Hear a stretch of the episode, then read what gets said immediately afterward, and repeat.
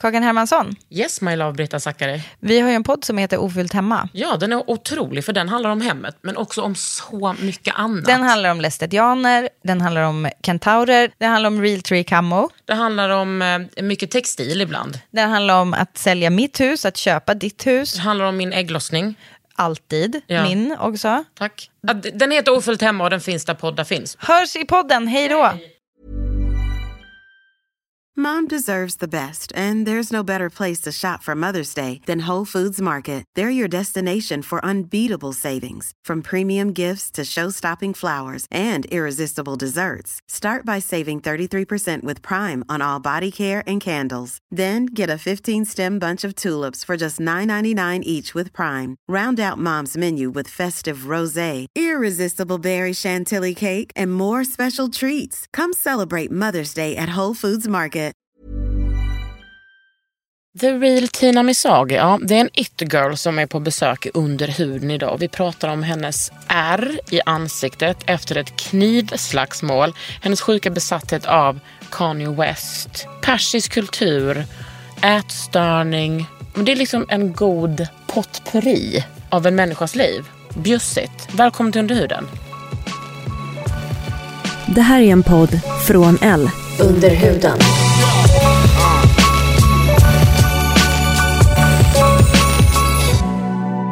Under huden. Med Kakan,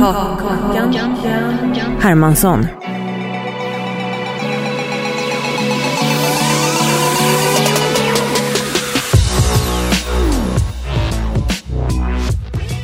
Hallå Tina, du är ju lite av en it-girl och jag vet att du går jag, igång. hatar, jag hatar att du kallar mig det. Det är så kul att göra det.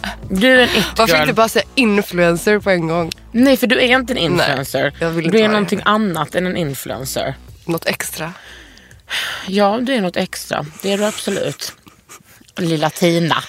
Nej, men jag... ehm, Kanske kan prata med min eh, riktiga dialekt idag vill jag bara säga. Men vadå, din riktiga dialekt? Nej men jag har ju en eh, eh, beautypodden på Styleby och Mm. där pratar jag ju eh, med min poddpartners dialekt. Jag härmar ju henne för hon Ah. pratar väldigt mycket fin stockholmska. Och nu, jag tenderar att härma folk när de pratar för jag har ingen egen dialekt. Men- Sån är jag. Den här dialekten som du har nu, Ja. din Växjödialekt, den tycker jag alltid att du har när vi pratar med varandra. Ja men det är kanske för att du pratar skånska. Jag drar ner Ja, dig precis. i liksom söderdialekten. Ja men alltså med glädje gör jag det. Jag är mig själv med dig. Det är så det är. Två stycken uh, beautyfantaster och it-girls. Ja. Jag tror att jag kanske är lite för gammal för att vara en it-girl. Nej men sluta. 36 somrar. Finns det någon åldersgräns? Vem är en it-girl som är 50 då till exempel? Naomi, hur gammal är hon? Mm, det är sant. Naomi och Helena Kristensen fyller, mm, hon fyller 50 år faktiskt. Ändå så... Karin Reutefeldt. Oh, hallå, hon är över 50 va? Ja, spik. Ja. Hon är typ 60 något. Hon Hon är är så- va, ja. Det finns ingen mer it-girl än henne. Nej, det är sant. Det är ändå schysst också att bli jämförd med dem. Mm. Uh, coola. Men du, hur öppen är du med din besatthet av Kanye West? Ja. Ehm, jo, men väldigt öppen. Ja. Men eh, det har lugnat sig lite. Ja, det har det. Hur besatt är du av Kim nu för tiden? Ja. Mm, eh, inte jättebesatt heller. Det var ju en otrolig gång, en gång när du sände live från, på, från Beauty and Bullshit, vår grupp som väldigt många är med i, en beautygrupp. När du skulle gå och se Kanye. Ja. Eller visst var det så? Och du skulle sminka dig som Kim. Kim-inspirerat ja, jag Kim tänka mig. inspirerat. Men då var det mycket nude va? Ja, väldigt mycket nude i vit färg då. Alltså nude vit, det måste man ju tillägga eftersom precis. hon inte gör det. Hon kallar ju nude. Ah, Ja. Hon ser inte ras eller? Nej. Hon ser ingen färg? Nej. Oh my god, Kim. Alltså vet du vad? Jag har bytt så mycket. Alltså jag har aldrig varit ett stort fan. Nej. Men nu när de så här, nu när de har skaffat en surrogatmamma. Ja. Alltså, Nu är du besatt. Nej, nej, jag är så besviken på Aha, dem. Jag du- är så okej. Mm. besviken och bara... Ja. Det ha, ha lite fucking klass och sluta utnyttja kvinnor. Bara för att de vill ha ett barn. Liksom. Verkligen. Det Ni har två. Alltså, hon, eh, nu vet inte jag hur det är att försöka få barn och inte kunna få barn. Det Nej. är säkert väldigt påfrestande. Ah, ja, absolut. Men, Men, det här är ju någonting annat. Precis. Och jag menar, hur långt ska man gå för att få ett nytt barn? Ska man exploatera en annan kvinnokropp? Ska man handla med kvinnors kroppar? Ja, de tyckte det. Hon har ju två barn, det är det som är grejen. Ja, men hon har ju hyrt en annan persons livmoder. Det är det. Alltså, det är prostitution. Då var det avklarat. Ja. Och ni som har åsikter om det, det blir inget. Hör inte av er bara. Inte, Vi lämnar det där. vi, vi lämnar det där. Okej, men hur började din Kanye-besatthet då? Nej men alltså. Besattheten handlar väl mest om att jag, jag älskar att han älskar sig själv och att han är så öppen med det. Och det har väl jag, det är väl därför han har varit min idol väldigt länge. För att han har alltid pratat om att det är okej att tycka om sig själv. Sen så kan man tycka vad man vill om, om det han har gjort och det sättet han har eh, utövat sin egna narcissism på andra människor. Men hur tänker Eh. du då? Alltså, tänker du ur ett, prob- alltså ett, problematiskt perspektiv? Ja, alltså nu tänker jag till exempel på Taylor Swift-incidenten och allt det här. Men jag, jag står ändå bakom honom där. För att eh, i slutändan är Taylor Swift en ung, smal, vit person. Och Beyoncé hade den bästa videon och Kanye hade rätt. Ja. Men är det då en killes plats att eh, prata om Nej, det? absolut inte. Nej, alltså man kan ju vrida och vända på det hur mycket man vill men, men just... Fan, du satte dit med det. Ja men... Ett intressant samtal. Det är det som jag tycker är så intressant också. Att liksom, man kan ju aldrig komma från perspektivet att han är svart. Liksom. Nej, precis. Och därför så tycker jag att man... Visst, det hade varit bättre om det var Solange som gick upp och sa, och sa det där. Absolut. Men det är hellre att Kanye gjorde det än att ingen gjorde det. Så känner jag. För hans budskap, det, det sträckte sig ändå längre än att eh, Taylor vann över Beyoncé. Det var väl, han kritiserade ju hela Grammis, eller vad var det? MTV var det. Ja, men att, he- eh, med så white Precis, supremacy-grejen. ja. Ja. Eh, och, och det är väl det som jag står bakom. Ja, vem, alltså det står jag också bakom. Ja. Men jag tycker, en, jag tycker också att Kanye är sådär. Han har han, jag har alltid lyssnat på Kanye för att han är en, en stor del av ja, men så här, den populära rapkulturen. men han är ju inte... Alltså han representerar ju också väldigt mycket bara, alltså snubbar.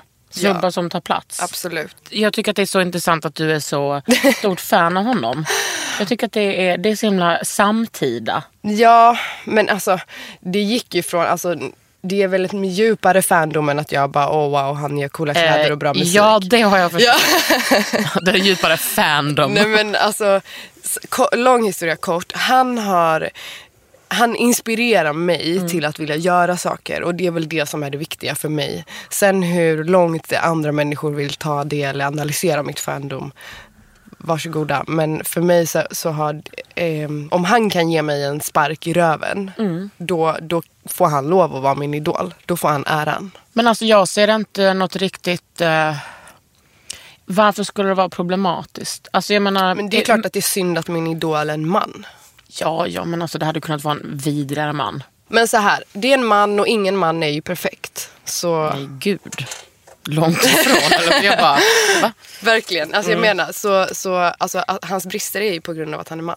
Ja, och nu också för att han är känd tror jag. Ja, och kanske gift med en väldigt känd person. Ja, men det är det jag tänker också. Att hans värld har smalnat av så himla mycket sen de fick barn. Ja. Och bara gå och lyssna på mig. All analytic and shit. Nej, men, de har fått två barn, de, de kanske vill leva mer skyddat eh, och hon var med om det här fruktansvärda rånet. Det tycker jag det är den enda säsongen jag har kollat på av Keeping Up. Och den, så det jag tycker att de porträtterar det så himla bra. Att de får med hur, hur jävla allvarligt det var. Precis, de får med när hon får panikångest till exempel. Sådana saker är jätteviktigt. Mm. Gud, jag tycker så synd om Kim. Jag vill bara ta hand om henne. Ja. Jag bara säga till henne, bara, gumman, du behöver inte gå ut och liksom representera hela tiden. Men hon var, inte re- hon var liksom inte redo. Hon fattar inte hur stor hon är. Alltså det är därför hon inte hade security.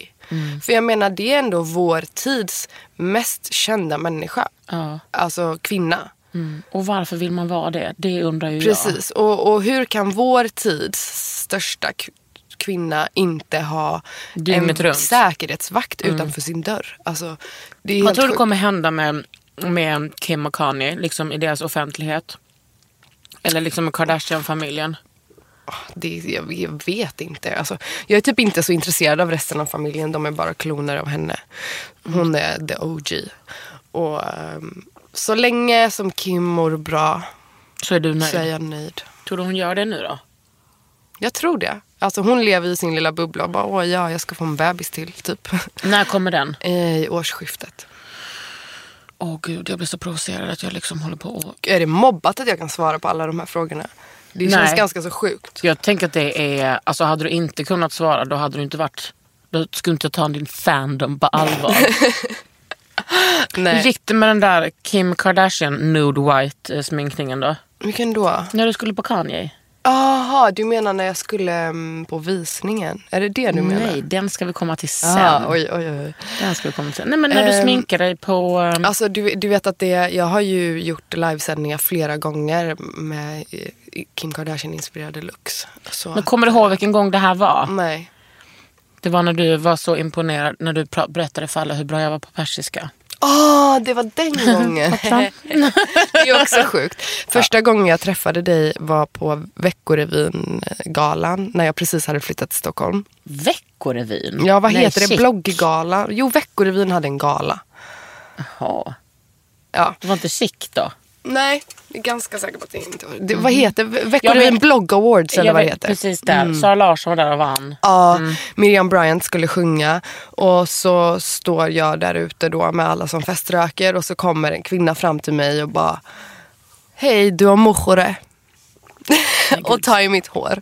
Sa jag inte att du inte hade det? Nej, du sa att jag hade det. Vilket jag hade också, för att då var jag blonderad. Mojore är ju då slitna hårtoppar. Alltså split ends. Mm. För jag tänker på dig som att du inte har det. Att du har sån äk- äkta perfekt hår. Men det var ju sjukt för att då var jag ny i Stockholm och du vis- hur visste du att jag var iranier? Men gumman.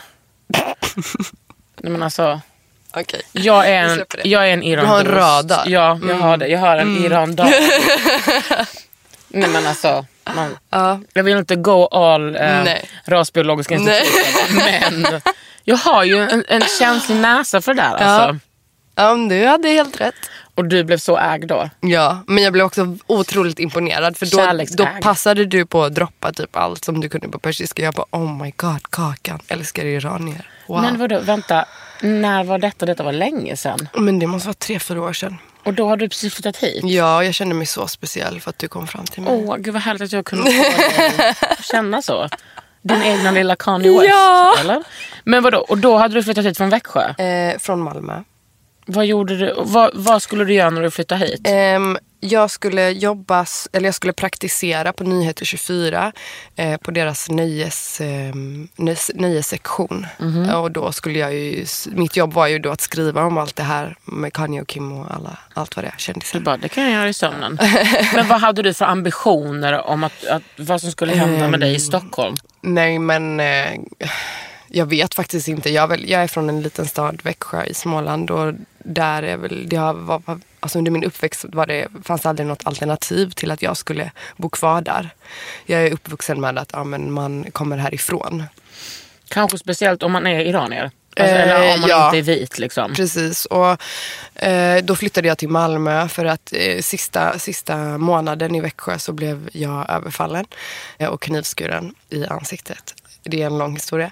Och ehm, då flyttade jag till Malmö för att plugga en månad efter det. Och sen var jag klar, flyttade till Stockholm och tänkte väl att jag bara vill eh, jobba med någonting som jag tycker är kul. Modejournalistik, eh, jobba med musik, whatever. Och det har jag gjort nu. Så.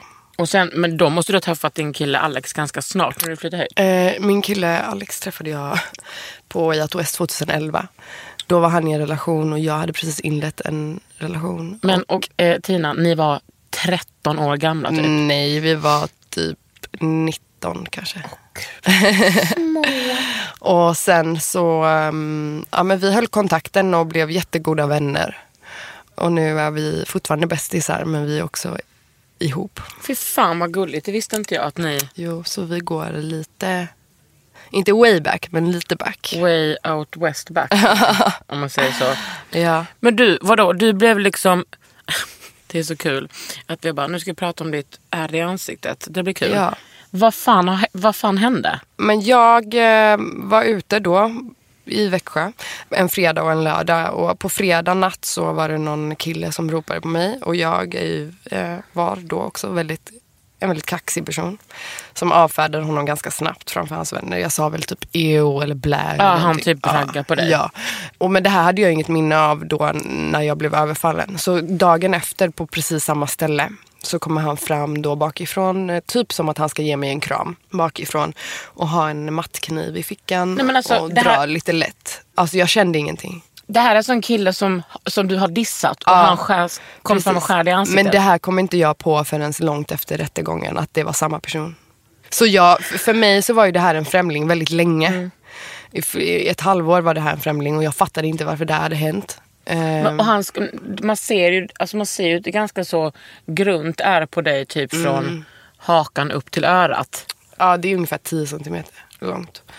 Men det var alltså det, överfallet var väldigt odramatiskt. Alltså så här, det, jag såg inte, om du ser någon komma med en kniv Ja. då hinner du bli rädd. Han kom bakifrån, han var inte, han nuddade mig knappt. Alltså han liksom la armen runt mig och drog lite härligt typ på Och vad sa han då? Ingenting. Eh, han gick därifrån bara. Han tittade typ. Det var som att han ville se att ja, men, eh, det blev en skada, bra. Och så promenerade han därifrån. Och sen, Sök och få sluten vård. ja, och personen som var med mig sprang ju då efter honom och, och, och han fick ju fängelse i tre och ett halvt år. Och sen, så nu är han ju ute. Men, Fan vad gött. ja det är ju gött. Men, eh, men det var ju en, eh, alltså och många har ju varit oroliga för mitt ärr just för att ja, men Tina är ju ganska fåfäng och hur ska det gå? Och, ja, Det verkar gå hur bra som ärr. helst. Eh, men faktum är att jag fick ett annat trauma den kvällen. Som var att jag inte fick tag på min mamma. Eh, och nu blir jag alltid känslig när jag pratar om det här. Men ehm, jag försökte ringa henne och hon svarade inte. Hon svarade alltid mig i telefonen. Eh, för att hon var alltid redo att hämta mig. Typ när jag hade varit ute. Och jag ringer henne, jag ringer hemtelefonen. Jag ringer alla liksom. Och ber alla åka hem till mina föräldrar och se. Ja, men, står bilen på garageuppfarten? Ja. Då svarade de inte där inne. Nej, jag har blivit knivskuren. Är det någon som är ute efter min familj? Är mina föräldrar döda? Typ så. Eh, så det var de tankarna som gick i mitt huvud. Så ärret har aldrig varit ett problem för mig. Eh, Men eh, de var inte döda. Nej, de var... In... Okej, jag ska kanske hoppa, börja berätta färdigt historien. eh, nej, jag, från det att jag bestämmer mig för att okej, jag ska väl ringa min mamma och berätta att det här har hänt. Eh, och jag står med mina vänner och vi ska vänta på ambulansen. Från det att jag börjar ringa och inte får tag på henne och ringer människor och grannar som kan... Som kan Vad var klockan? eh, ja, två på natten kanske. Ah, ja, ja.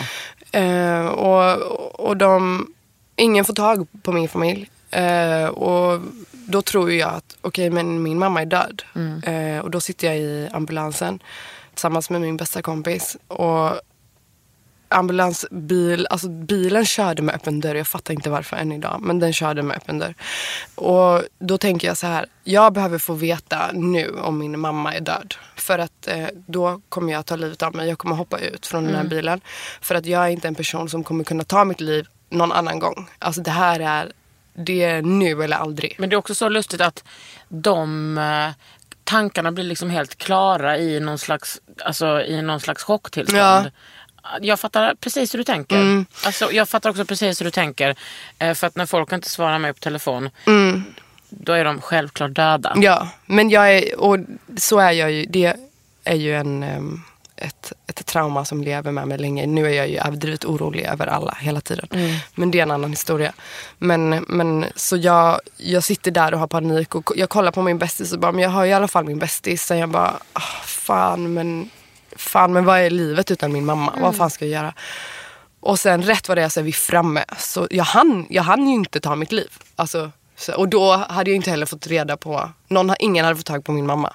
Men var det bara att hon låg och sov eller? Nej, så jag, kom, jag hoppar ut ur bilen och jag bara, fan det här är hopplöst. Jag sätter mig bara på marken när jag har kommit ut ur ambulansen. Och det kom ut sköterskor som möter mig och min mamma jobbar ju på lasarettet. Och sköterskan säger, men Tina! Typ. Och jag bara, ja, jag bara, oh my god, du känner min mamma. Vet du vad min mamma är? Hon bara, hon är här. Då har min mamma ätit någon hostmedicin och fått en allergisk reaktion och åkt in till ambulansen, och, eller till akuten och där fanns ingen täckning. Så därför fick inte jag tag på henne. Eh, Tur i oturen. Men hur sjuk, alltså hur sjuk historia. Det, det var så meningen. You, you go eat that. Eh. Uh, you go eat that. Tinas mamma. Men alltså hon var där. Hon måste blivit helt... Nej men hon är typ så här i efterhand, hon bara det här, det hade inte kunnat hända på ett bättre sätt. För att hade jag fått ett samtal hemma vet. om att du hade blivit knivskuren, skulle jag hoppa in i en bil, köra Ja. dit? Nej, det hade inte blivit bra. Men jag menar hon måste ändå bli, när hon såg dig i ansiktet, när hon liksom, det måste ändå vara sett för Mm. jävligt ut. Jag minns att hon spydde faktiskt. Ja. för att hon var ju redan dålig, hon hade ju fått morfin och allt det här för att hon var liksom dålig för magen. Och jag var så chill, alltså jag gick ut på samma klubb sex dagar efter. För att jag vägrade vara ett offer för den här personen. Och jag hade hört historier om kvinnor som har blivit utsatta och det har förändrat hela deras liv. Och jag bara, jag vägrar vara en sån här person. Nu, mitt liv är inte över för det här har hänt. Vad gjorde de med eh, såret då? Jag fick sy, eh, vad blir det, 19 gånger två stygn tror jag. Först invändiga och sen utvändiga stygn. Jätte, jättefina stygn. Alltså det ser ju helt otroligt ut. Ja. Vad invändiga? Har de gått igenom kinden? Ja men de, alltså nu vet jag inte riktigt hur sånt där funkar. Men de har, de har sytt liksom väldigt tajta stygn. Alltså i- typ inne. För att jag menar nu, alltså det är ju inte som att man bara Tina, ja, du menar hon med ärret i ansiktet? Nej. Så är det ju inte. Nej, men jag, alltså ett tag så jag var ju tvungen att ha silikonplåster. Mm. Eller inte tvungen, men jag ville ta hand om mitt ärr. Så jag hade silikonplåster i typ ett år varje dag. Så jag var ju Tina med plåster i ansiktet i typ ett år. Men det var ju också det som är grejen att när man får ett ärr så måste man skydda det från solen. Ja, jag sa det faktiskt kära lyssnare. För ja. Annars får man ju verkligen ett ärr. Precis. Men tog de honom på brottsplatsen? Eh, Men då personen, det här är också en väldigt märklig historia, men personen som, eh, som sprang efter honom, Mm. stoppade honom, är svart. Så när polisen får in ett larm, då tar de in honom. Och det är alltså han som... Who said polisen var rasist? Ja, eh, och det är, han som, det är alltså han som hjälpte till att få tag på killen. De tar in honom först. Ja, Alltså, vänta, det är så- väldigt ironiskt. Men han som knivskadade dig, var han svart? Nej. Men de, de Eh, lyssnade inte på det? Nej, så han... By the time de har... Det, det var ju flera olika händelseförlopp då. Efter att jag blev knivskuren så eh, blir det slagsmål mellan de två och de jagar varandra och han liksom skär ju i honom också och sådär.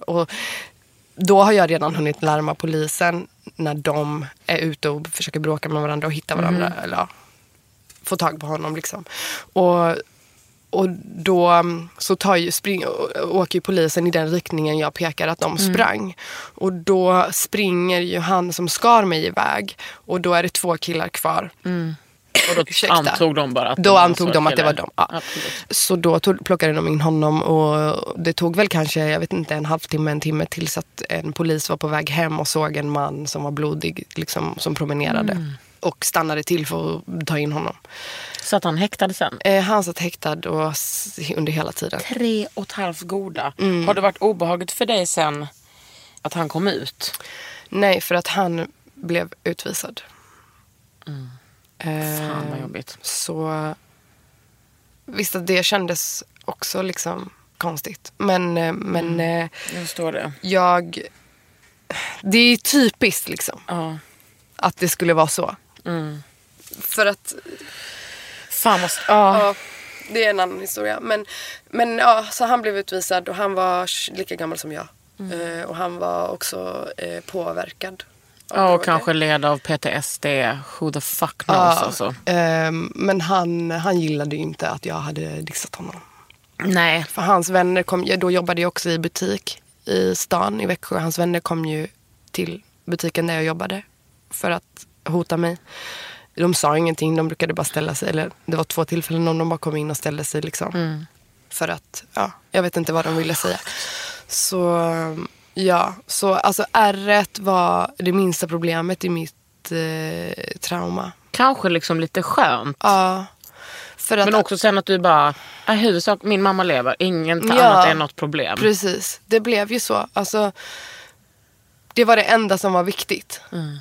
Och Tur att du inte tog livet av dig. ja, det hade ju varit dumt om jag hade hoppat ur där.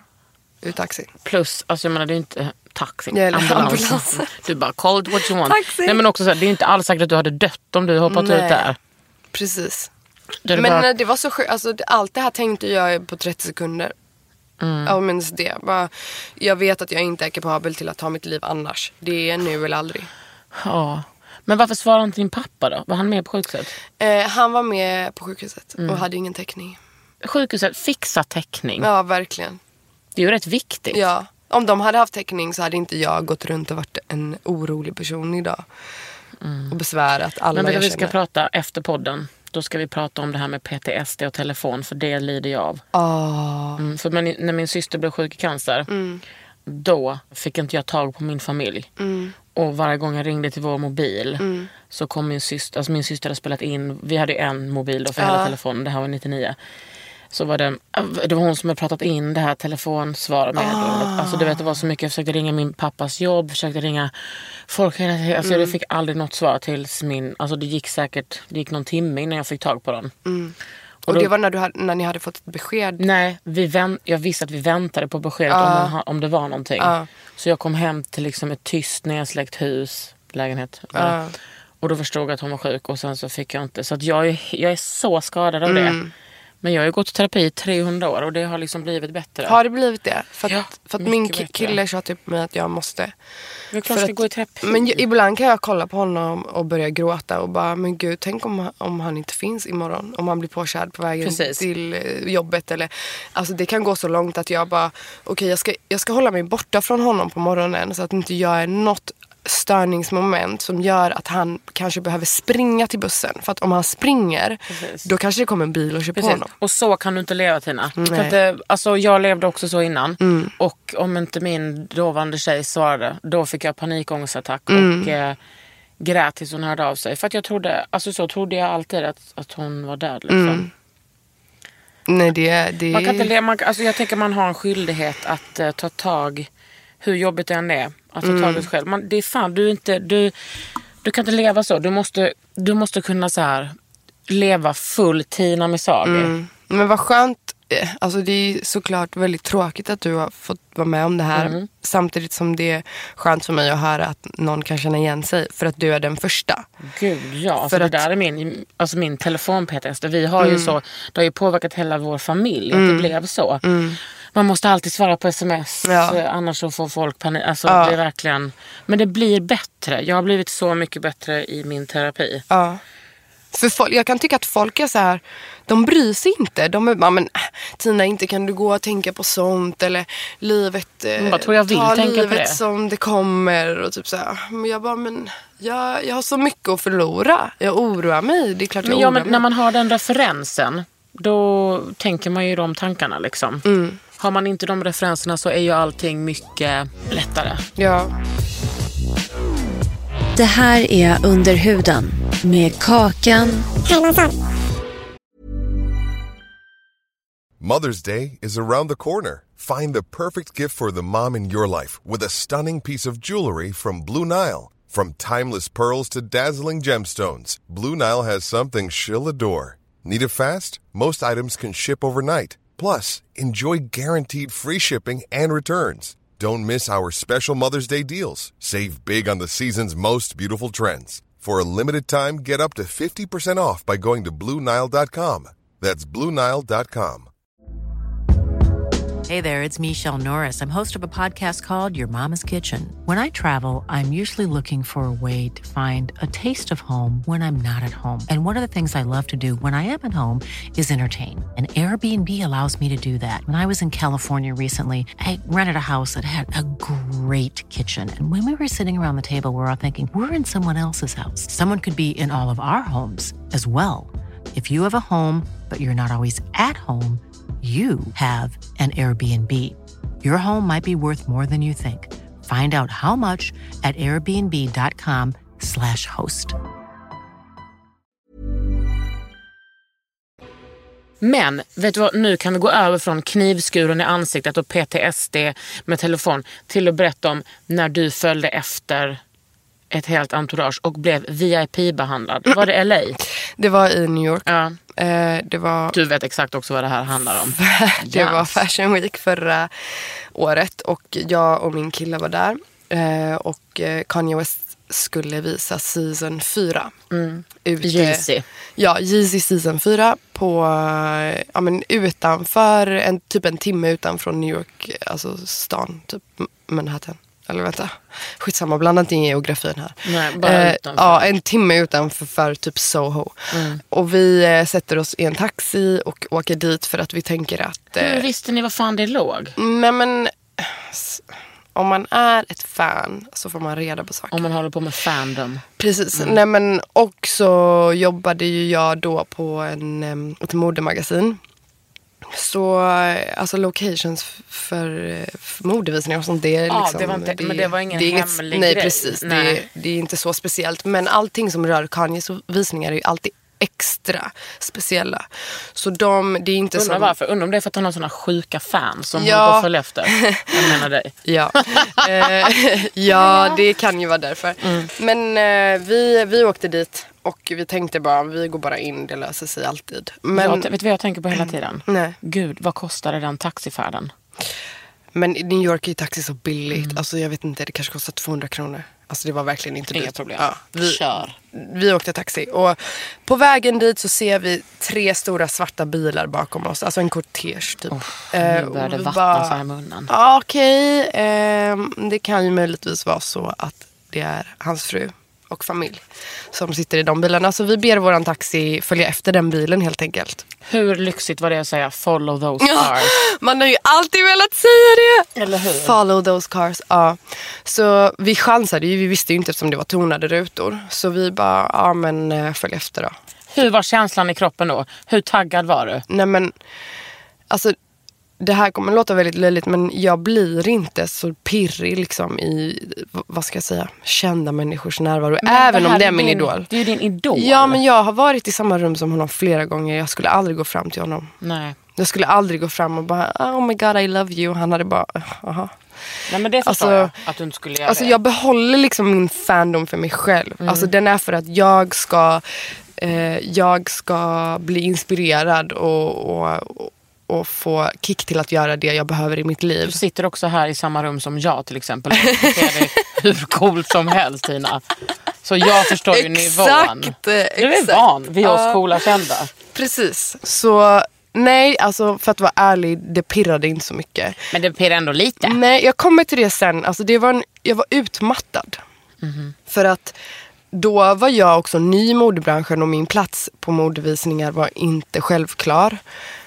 Nu, Eh, speciellt inte i New York, alltså på New York Fashion Week. nej. Ehm, inte på en så stor visning. Nej. Eh, så, så jag... ehm, vi, föl, vi följde efter bilarna. Så helt plötsligt så stannar bilarna. Och våran taxi säger bara okej ni måste hoppa ut för jag kan inte sitta här hela dagen. Och vi fattar ju också att om det är de i bilen då kommer de inte hoppa ut på ett tag. För att de kommer gå in sist. För att skapa så lite uppståndelse som möjligt. Gud. Och det här var ju, visningen var i en park. Alltså typ som en, på en liten ö. I, på en jätte, I en jättestor park. Så att ta, för att ta sig till själva området där visningen var behövde man kanske gå en kilometer. Åh gud vad jobbigt. Eh, I ett grönområde typ. Och Kom folk och gick där? Ja, det var ju väldigt många som gick förbi med barnvagnar och de bara nej tyvärr, de, de, de skulle gå sin vanliga runda liksom. Och de bara nej det är avstängt här. Alltså de hade stängt av hela skiten. Och vi hoppar ut ur taxin och vi kommer ju ut bakom deras bilar. Det är ju tre stora svarta bilar och vi kommer våran lilla taxi är bakom dem så att ingen ser ju våran lilla taxi. Så för människor som står vid entrén ser det ju ut som att vi kommer ut från de svarta bilarna.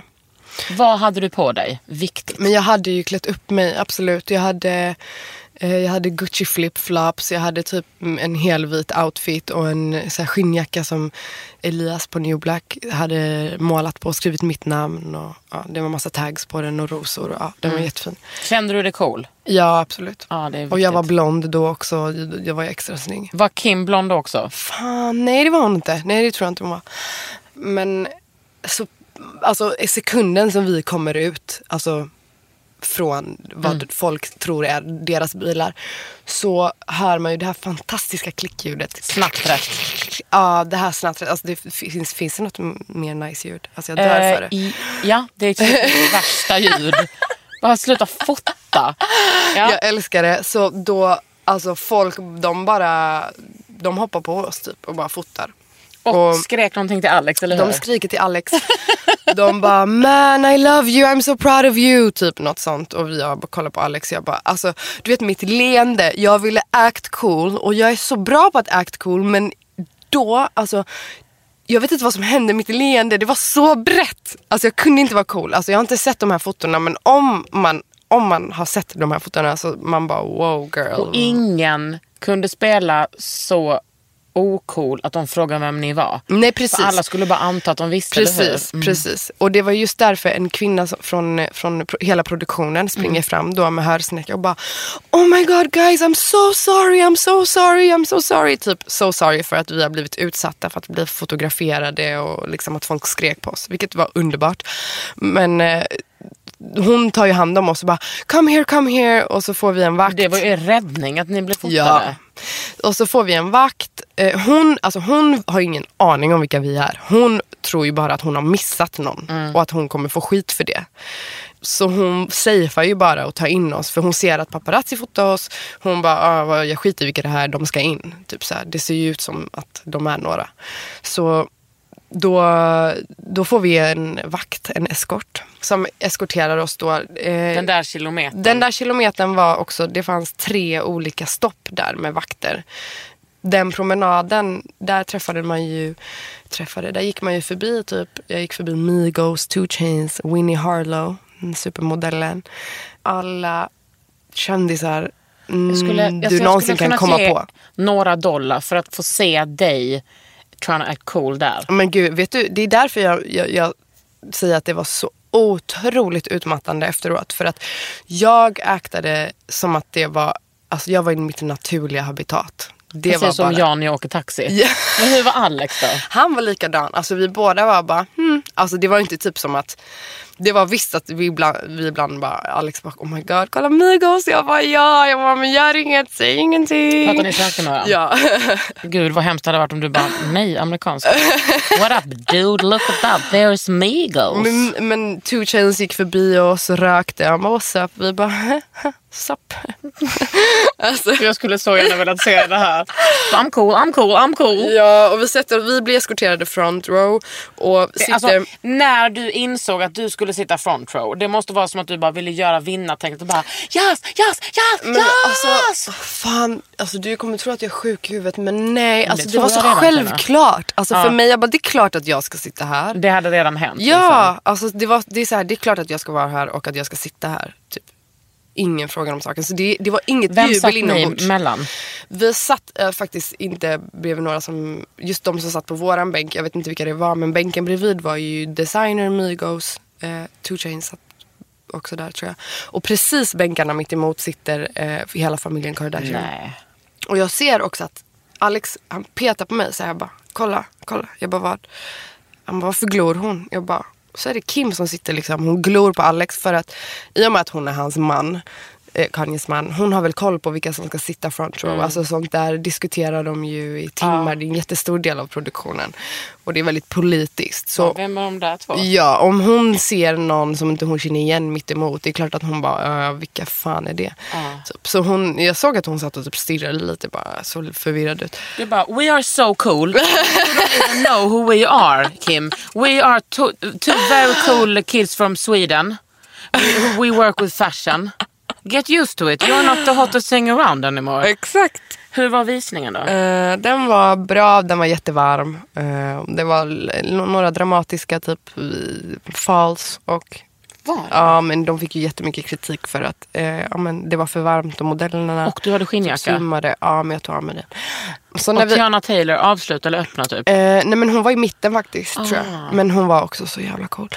Ja, hon eh, hade liksom den där snygga croppade toppen där bröst, man, man fick se brösten. Där. Det är Och- ett sånt jävla snyggt plagg. Du vet, den, du ser den här tröjan jag har på mig idag, det är från GCDS. Eh, jag var på den visningen Vad nu. fan är det? Det är ett typ italienskt eh, streetwear swimwear märke som är jättecoolt. Mm.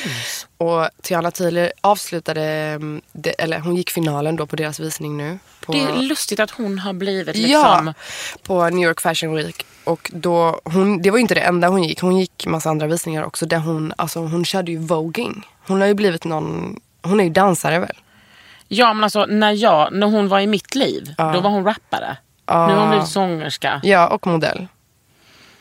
Eh, men jag gillar det. Men sen så är hon ju också, man kan ju diskutera hur eh, sunt det idealet som hon representerar är. Men För att hon är supervältränad eller? hon är ju supervältränad, har ju gigantisk rumpa, gigantiska bröst som, Sounds just like me. som inte är, mm, ja men de är ju fixade.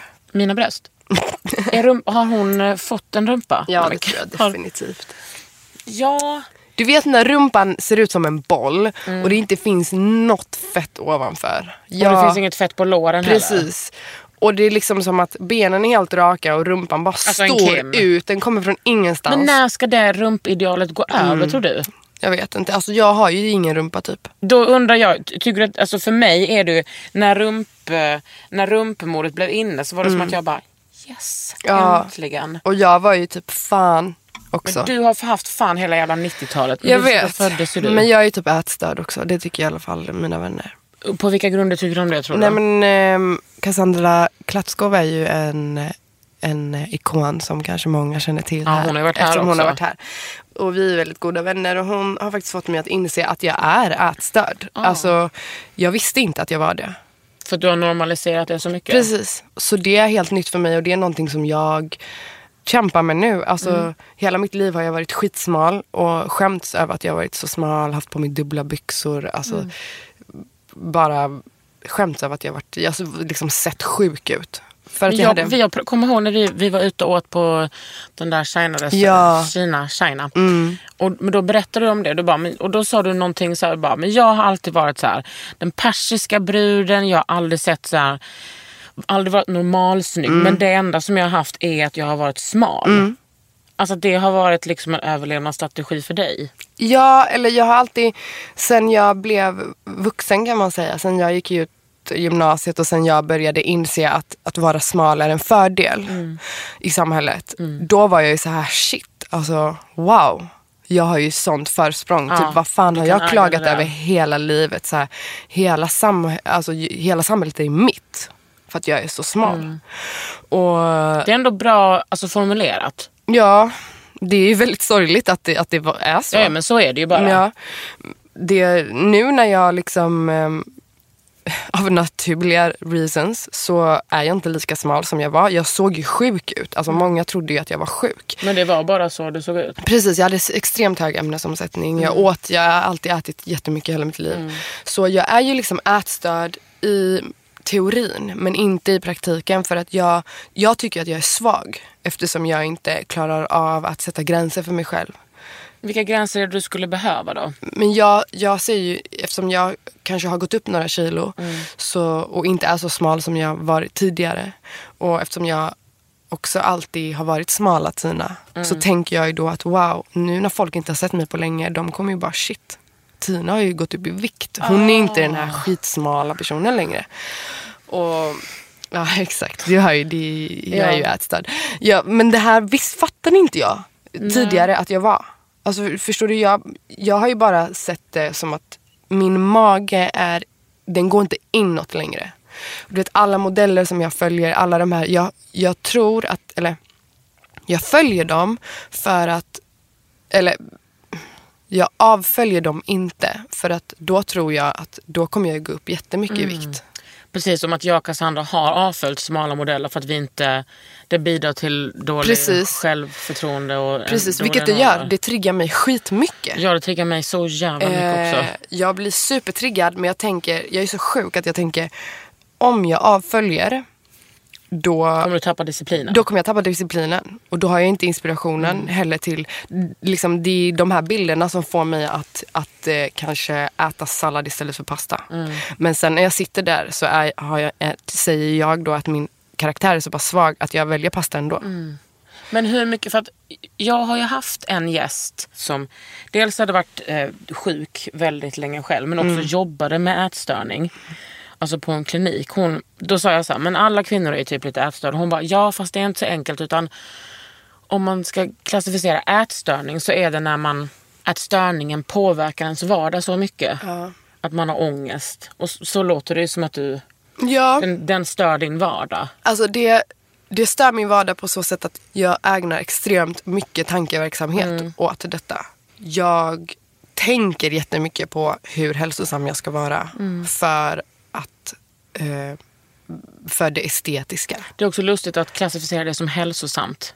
Ja, det ja. Eller hur? Precis, absolut. Att det är Mm. hälsosamt att eh, hålla vikten Ja. nere. Liksom. Men vet du vad jag, nu blir det ju eh, psykolo- eh, ring psykologen Ja. här. Men det här eh, matchar ju jättebra med, dina andra, med ditt andra kontrollbehov om liksom att hålla ångesten borta för, om någon svarar på telefonen. Ja, absolut. You got shit to talk about Jag är honey. ju, min mamma är ju KBT-terapeut. Perfekt. Eh, och jag är ju uppväxt med att hela tiden reflektera över mina känslor och tankar. Så pass att eh, jag är medveten om det här och tänker på det hela tiden. Men jag tänker också när jag väl söker hjälp, vilken ände ska jag börja i då? För jag har ju 20 000 saker. Nej, men det, kommer, det kommer terapeuten hjälpa dig med. Ja. Och också så att du kan sitta och prata om det här i en podd, liksom, där du vet att folk kommer lyssna. Ja. Det är ju liksom, då har du kommit rätt långt på vägen. Men det, det känns som att eh, jag hade önskat att, eh, att mm, jag fick höra på sånt också. Det För väl nu typ är det liksom, därför.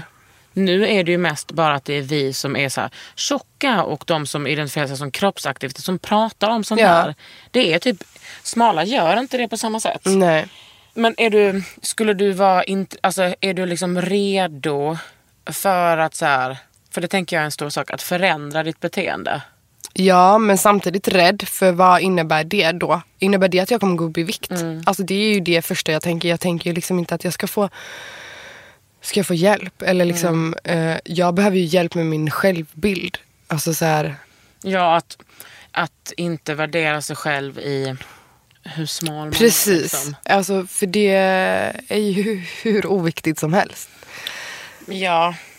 Alltså på ett sätt Det så är det ju inte det. Eftersom så som du sammanfattar det så bra.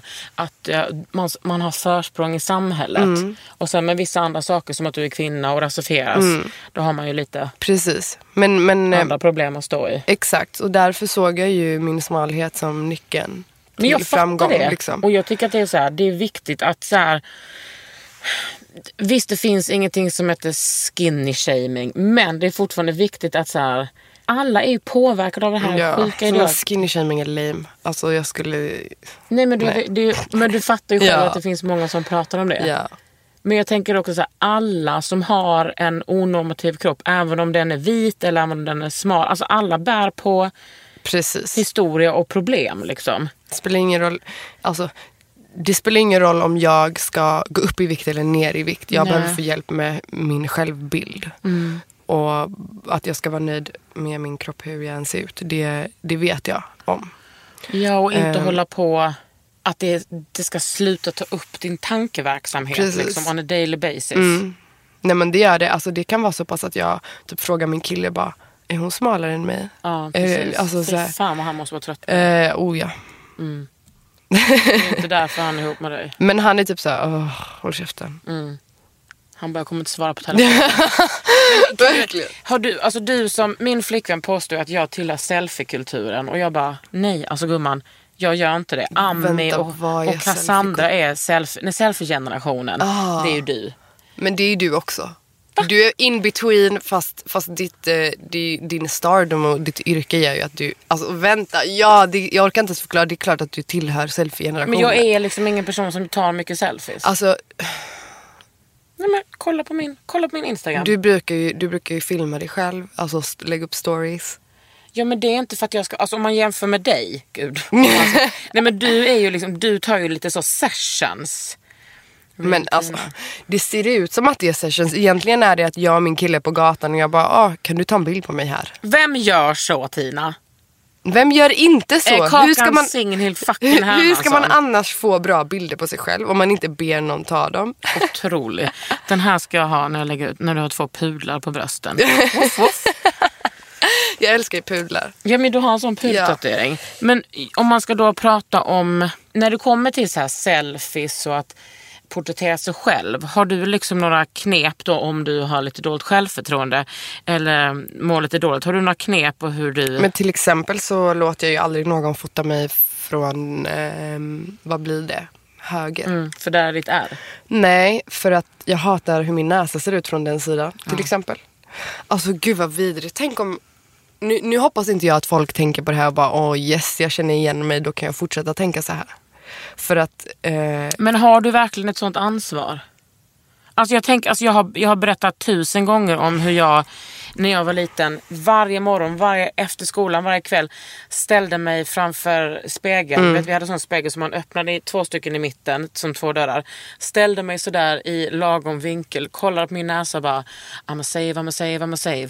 Typ jag ska savea alla mina pengar för att kunna operera. vet du att jag, Nej, gör det, jag gör det i varenda badrum som har sådana men speglar. Alltså, det här är också, det här är inte, det börjar bra, det här är inte rasistiskt. Men det är så jävla typiskt iranier. Ja, det Iranier är absolut besatta för att jag är iranier. Eh, Hundra procent Mm. är det för att jag är iranier. Det persiska skönhetsidealet är ju väldigt speciellt. Den ska vara liten och toppig. Precis, och liten näsa, stora ögonbryn, eh, fylliga kindben. Inte ett enda hårstrå på fel Nej. ställe på kroppen. Inga morskär. Exakt. Så liksom... Så du låter ingen fota dig? Speciellt inte från den inte sidan? från den Nej, men alltså det är inte... Jag är inte så manisk med det. Men jag skulle kanske inte... Om jag ska bli fotad då ser jag till att jag står med rätt sida. Ja.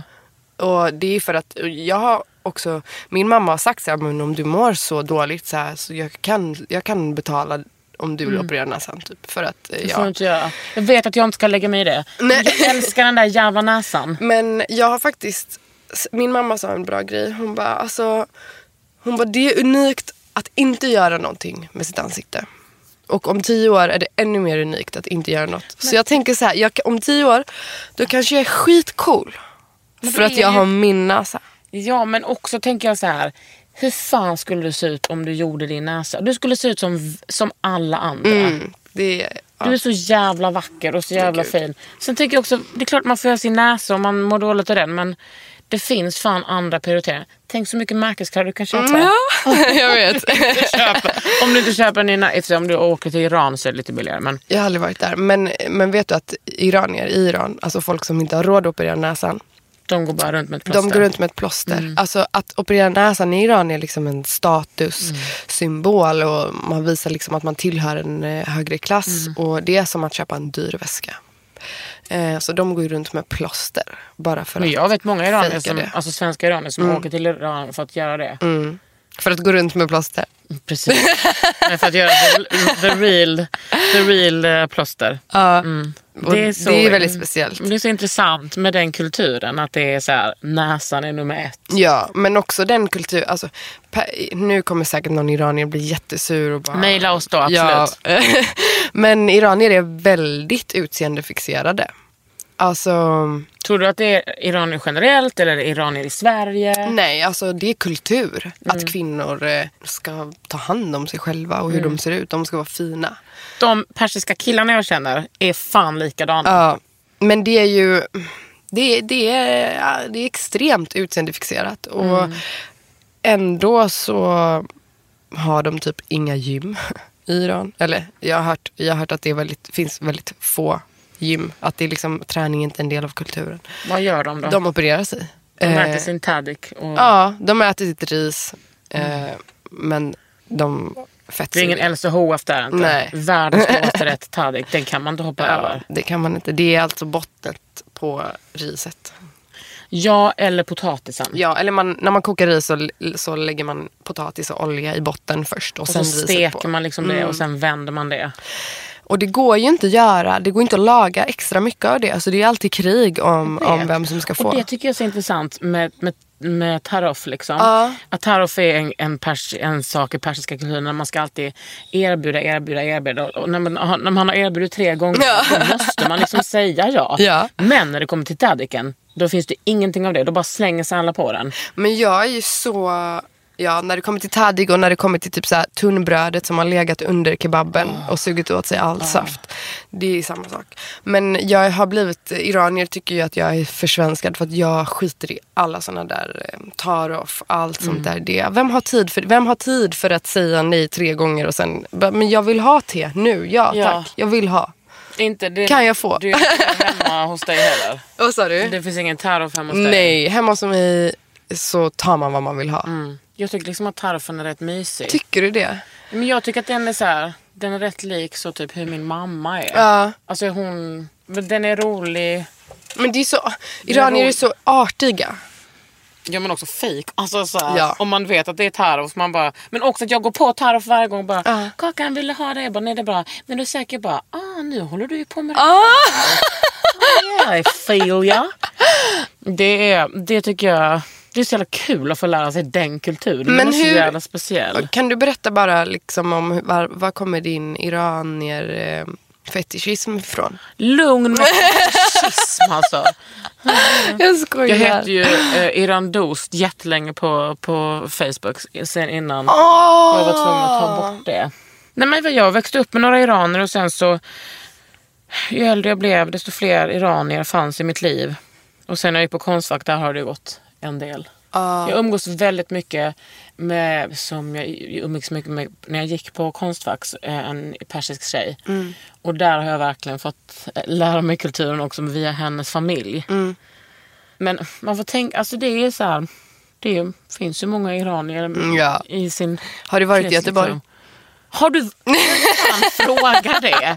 Har du varit i Göteborg? Men jag menar mer liksom, du går ju på gatan där, du tror ju att du är i Iran för att alla pratar persiska. Ah, typ. du, det har jag aldrig reflekterat Alltså över. jättemycket iranier i Göteborg.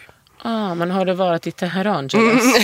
Nej. Jag, nej. Ja, det finns, alltså där, jag skulle så gärna vilja åka till, ehm, liksom, i LA så finns det liksom så mycket Ja. persiska, speciellt persiska judar. Ja. Det, det skulle jag liksom, den stadsdelen skulle jag vilja åka till. Och Toronto. Så ja, i många, Toronto. Många iranier. Känns det tryggt för dig liksom, att det finns många iranier överallt? Nej, Nej, alltså varken ja eller nej. Mm. Typ så här, det, det, är klart att, eh, det är klart att jag älskar att träffa iranier. Men eh, det, är också, det är också påfrestande att träffa iranier. Det beror på i vilken kontext. För att eh, då, om, om en iranier vet att jag är iranier då ställs det helt andra förväntningar på mig. Vilka då?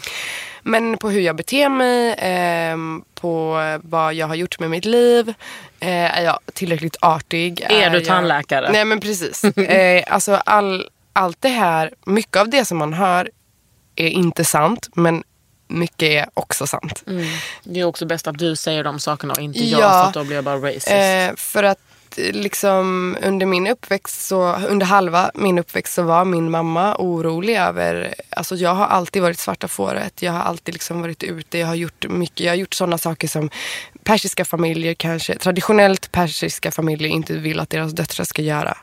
Och, och, och ett tag så var min mamma orolig och sen så hon bara, va? Nej, fuck it. Alltså hon, eh, hon började uppfostra mig som en människa istället för en persisk Har du flicka. sys- syskon? Nej. Är du ensam barn? Ja. Oh det är my så God, underbart. Det säger allt. Oh jag men skojar. gud, så säger alla! Nej, Åh. De bara, är du ensam barn? Oh my god, it makes so much sense. Det tycker inte jag. Sig, du är fandom av Kanye. Det måste ju vara ensambarnsproblematik. Han är ju också ensam barn. Really? Alltså han är så ensam. Alltså han är ensam jord. Nej men typ att han är ensam på jorden. Alltså, det skulle inte vara någonting om att han hade... Uh. Nej. Fan vad kul att prata om Iran. Ja, Eller iransk kultur. Ja men alltså du har lyssnat på Under huden med mig, Kakan Hermansson och Tina Misagi. It Girl. The real Tina Misagi på Instagram. Gud du vill ha nya följare. Vilka jävel. Under huden med Kakan Hermansson. En podd från L.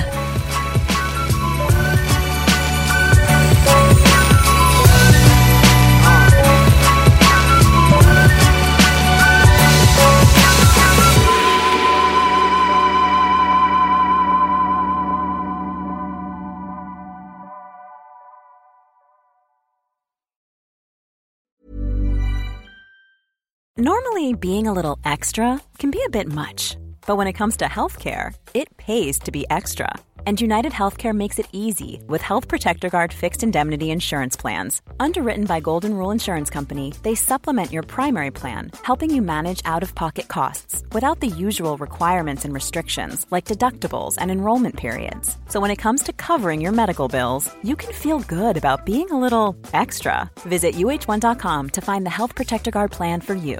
Flexibility is great. That's why there's yoga. Flexibility for your insurance coverage is great too. That's why there's United Healthcare Insurance Plans. Underwritten by Golden Rule Insurance Company, United Healthcare Insurance Plans offer flexible, budget friendly coverage for medical, vision, dental, and more. One of these plans may be right for you if you're, say, between jobs, coming off your parents' plan, turning a side hustle into a full hustle, or even missed open enrollment. Want more flexibility? Find out more about United Healthcare Insurance Plans at uh1.com.